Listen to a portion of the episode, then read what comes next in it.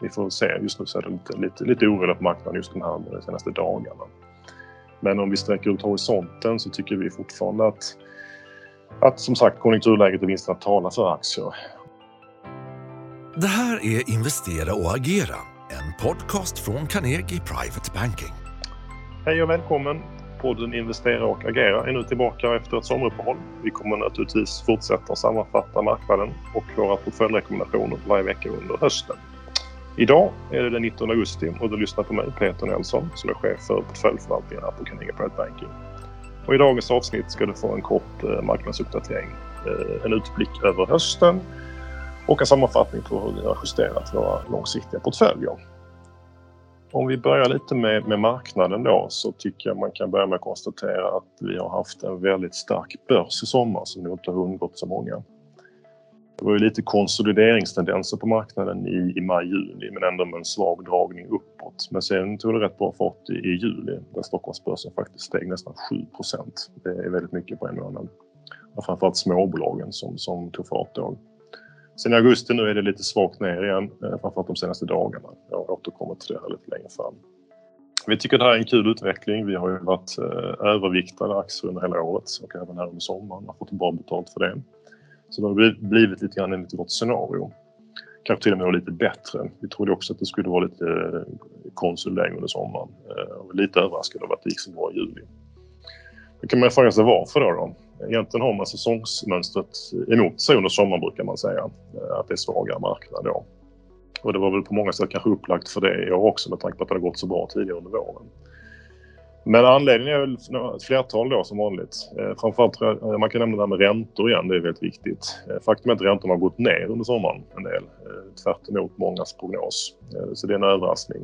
Eh, när vi har så stark, eh, stark omvärld som vi har, då brukar räntorna egentligen gå upp lite grann. Men de har faktiskt fallit tillbaka här under, under sommaren. Vi hade en ränteuppgång tidigare under året men den har kommit av sig lite grann. Och räntor ner brukar vara bra för aktier så har det varit även då nu.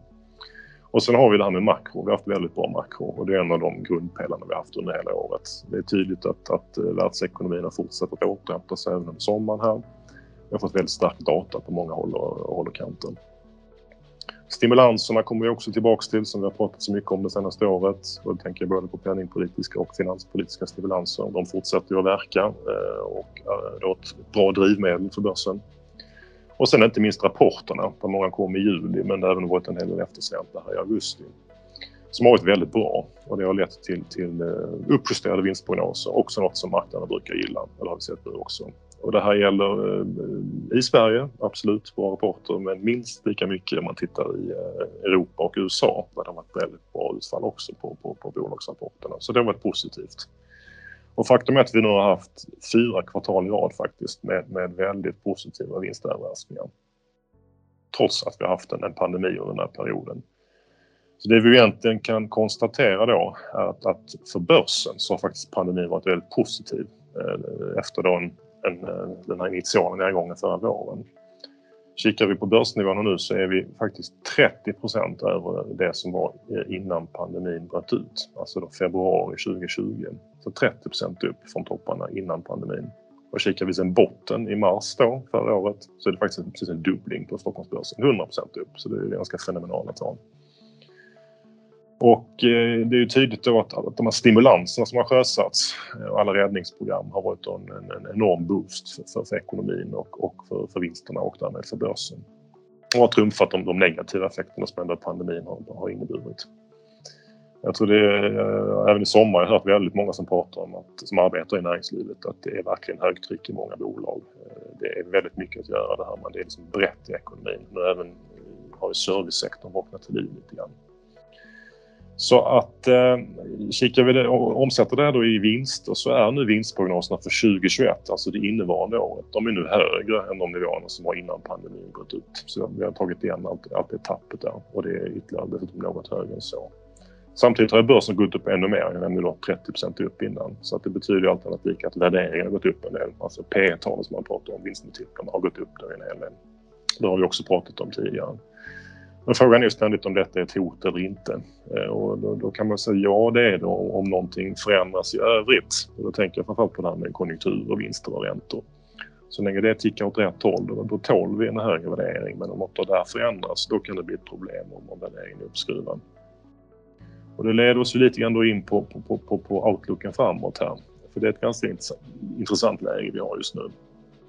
Eh, om vi börjar med konjunkturen då, så som jag nämnde, den är ju väldigt stark eh, och datan har varit liksom visat på mycket positivt.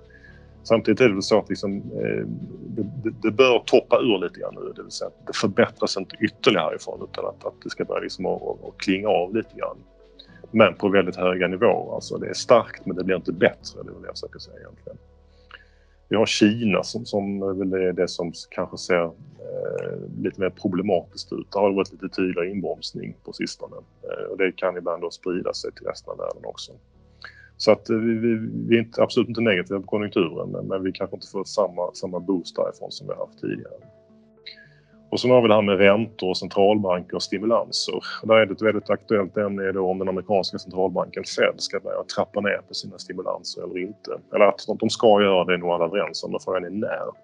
Där kom det besked nu senast igår om att det, det, det här närmar sig. Det vet vi om, men det är just osäkerheten på när det sker och hur kraftigt det kommer att ske som kan, kan, eh, kan bli, som är en osäkerhetsfaktor.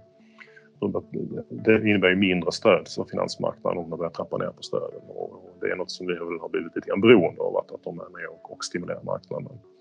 Och det kan också leda till att räntorna skulle kunna gå upp lite längre fram, som också kan vara ett, ett problem. Man brukar kalla det för tapering när de drar ner på sina stimulanser och det är det som är ett nyckelord just nu. Det har ju hänt förr när vi haft faser med tejping att det har ställt till det lite grann. Eh, de, så det gäller att de, de, de skickar signalerna i lagom takt och att de är väldigt tydliga med vad de ska göra så att marknaden hinner, hinner förbereda sig på det här. Så det är inte omöjligt att det kan bli lite stökigare på kort sikt här under hösten givet, givet den här bakgrunden. Då. Eh, och i det sammanhanget ska man då komma ihåg just att, att faktiskt Stockholmsbörsen då är upp nästan 30 procent i år. Så det är klart att det är liksom risken har gått upp något, det måste man väl ändå säga. Tittar vi på världsindex så är det upp drygt 20 procent, så inte lika mycket men, i svenska kronor. Men, men ändå en hel del. Och det vi också har ställt oss frågan under egentligen hela året, det är ju liksom var är rekylen?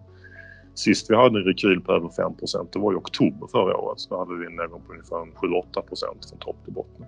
Sen dess har vi inte haft någonting som har varit eh, 5 procent eller mer. Vem vet, det kanske är dags nu. Det där är väldigt svårt att säga om. Det vet ingen egentligen när de hamnat i det här Eh, mindre rekylerna kommer. Vi får se. Just nu så är det lite, lite, lite oroligt på marknaden just de här eh, senaste dagarna. Men om vi sträcker ut horisonten så tycker vi fortfarande att att som sagt konjunkturläget och vinsterna talar för aktier. Och det här med TINA, det vill säga att det är ont om alternativ. Det finns ju fortfarande kvar givet ränteläget. Eh, räntorna behöver komma upp en hel del för att det ska bli ett bra alternativ till börs i nuläget. Så att det är fortfarande de här fundamentala faktorerna som talar för börsen lite mer långsiktigt. Eh, vi har varit underviktade räntemarknaden hela året. Vi fortsätter med den undervikten tills vidare. Vi har fått en helt okej avkastning ska jag ändå nämna på räntor i år även under sommaren. Men vi tycker ändå att det är ganska begränsad potential när vi kikar framåt. Och då tycker vi istället att alternativ, alternativa tillgångar kan vara ett bra komplement till den mer defensiva delen av portföljen. Och där letar vi framförallt efter okorrelerade strategier som inte, som inte eh, beror så mycket på vad som händer på aktiemarknaden helt enkelt. De kan vara lite svåra att komma åt ibland för enskilda placerare men vi som institution kan, kan hitta många intressanta alternativ där. Vi har inte gjort så mycket i vår portfölj här under sommaren och det beror ju delvis på att det faktiskt har blivit ungefär som vi hade tänkt oss. Så att eh, vi har fått ungefär eller, den avkastning vi hade hoppats på eller till och med lite bättre. Jag tycker väl ändå det är viktigt att poängtera att vi fortfarande förespråkar en, en, en balans. Och då tänker jag både på balans vad gäller om man ska ha för tillväxtbolag eller värdebolag vilka regioner man ska satsa på, vilka sektorer man ska satsa på. Det har varit svårt att se något riktigt tydligt mönster här under året. Det har gått lite fram och tillbaka. Men så länge tror vi väl att det kan vara även det de kommande månaderna. Att man helt enkelt inte ska satsa allt på det ena eller andra utan att blanda lite grann.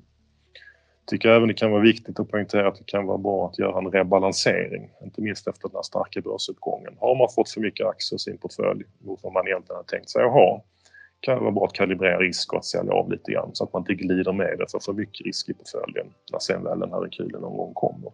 Så det är något man kan titta på definitivt tycker jag i det här läget. Så det var dagens budskap. Eh, jag kan även nämna att eh, på fredag, alltså imorgon, så startar vårt eh, placeringsseminarium en serie vi kallar för Börshösten 2021. Det är fem delar där vi bjuder in våra strateger och analytiker. Prata gärna med din rådgivare om du vill anmäla dig till detta. Och du som inte är kund kan naturligtvis bli det genom att skicka in en intresseanmälan på carnegie.se. Tack för att du har lyssnat. Du vet väl att den här podden finns på både Spotify och iTunes? Om du tyckte det här avsnittet var bra får du gärna ge oss ett betyg eller rekommendera podden vidare.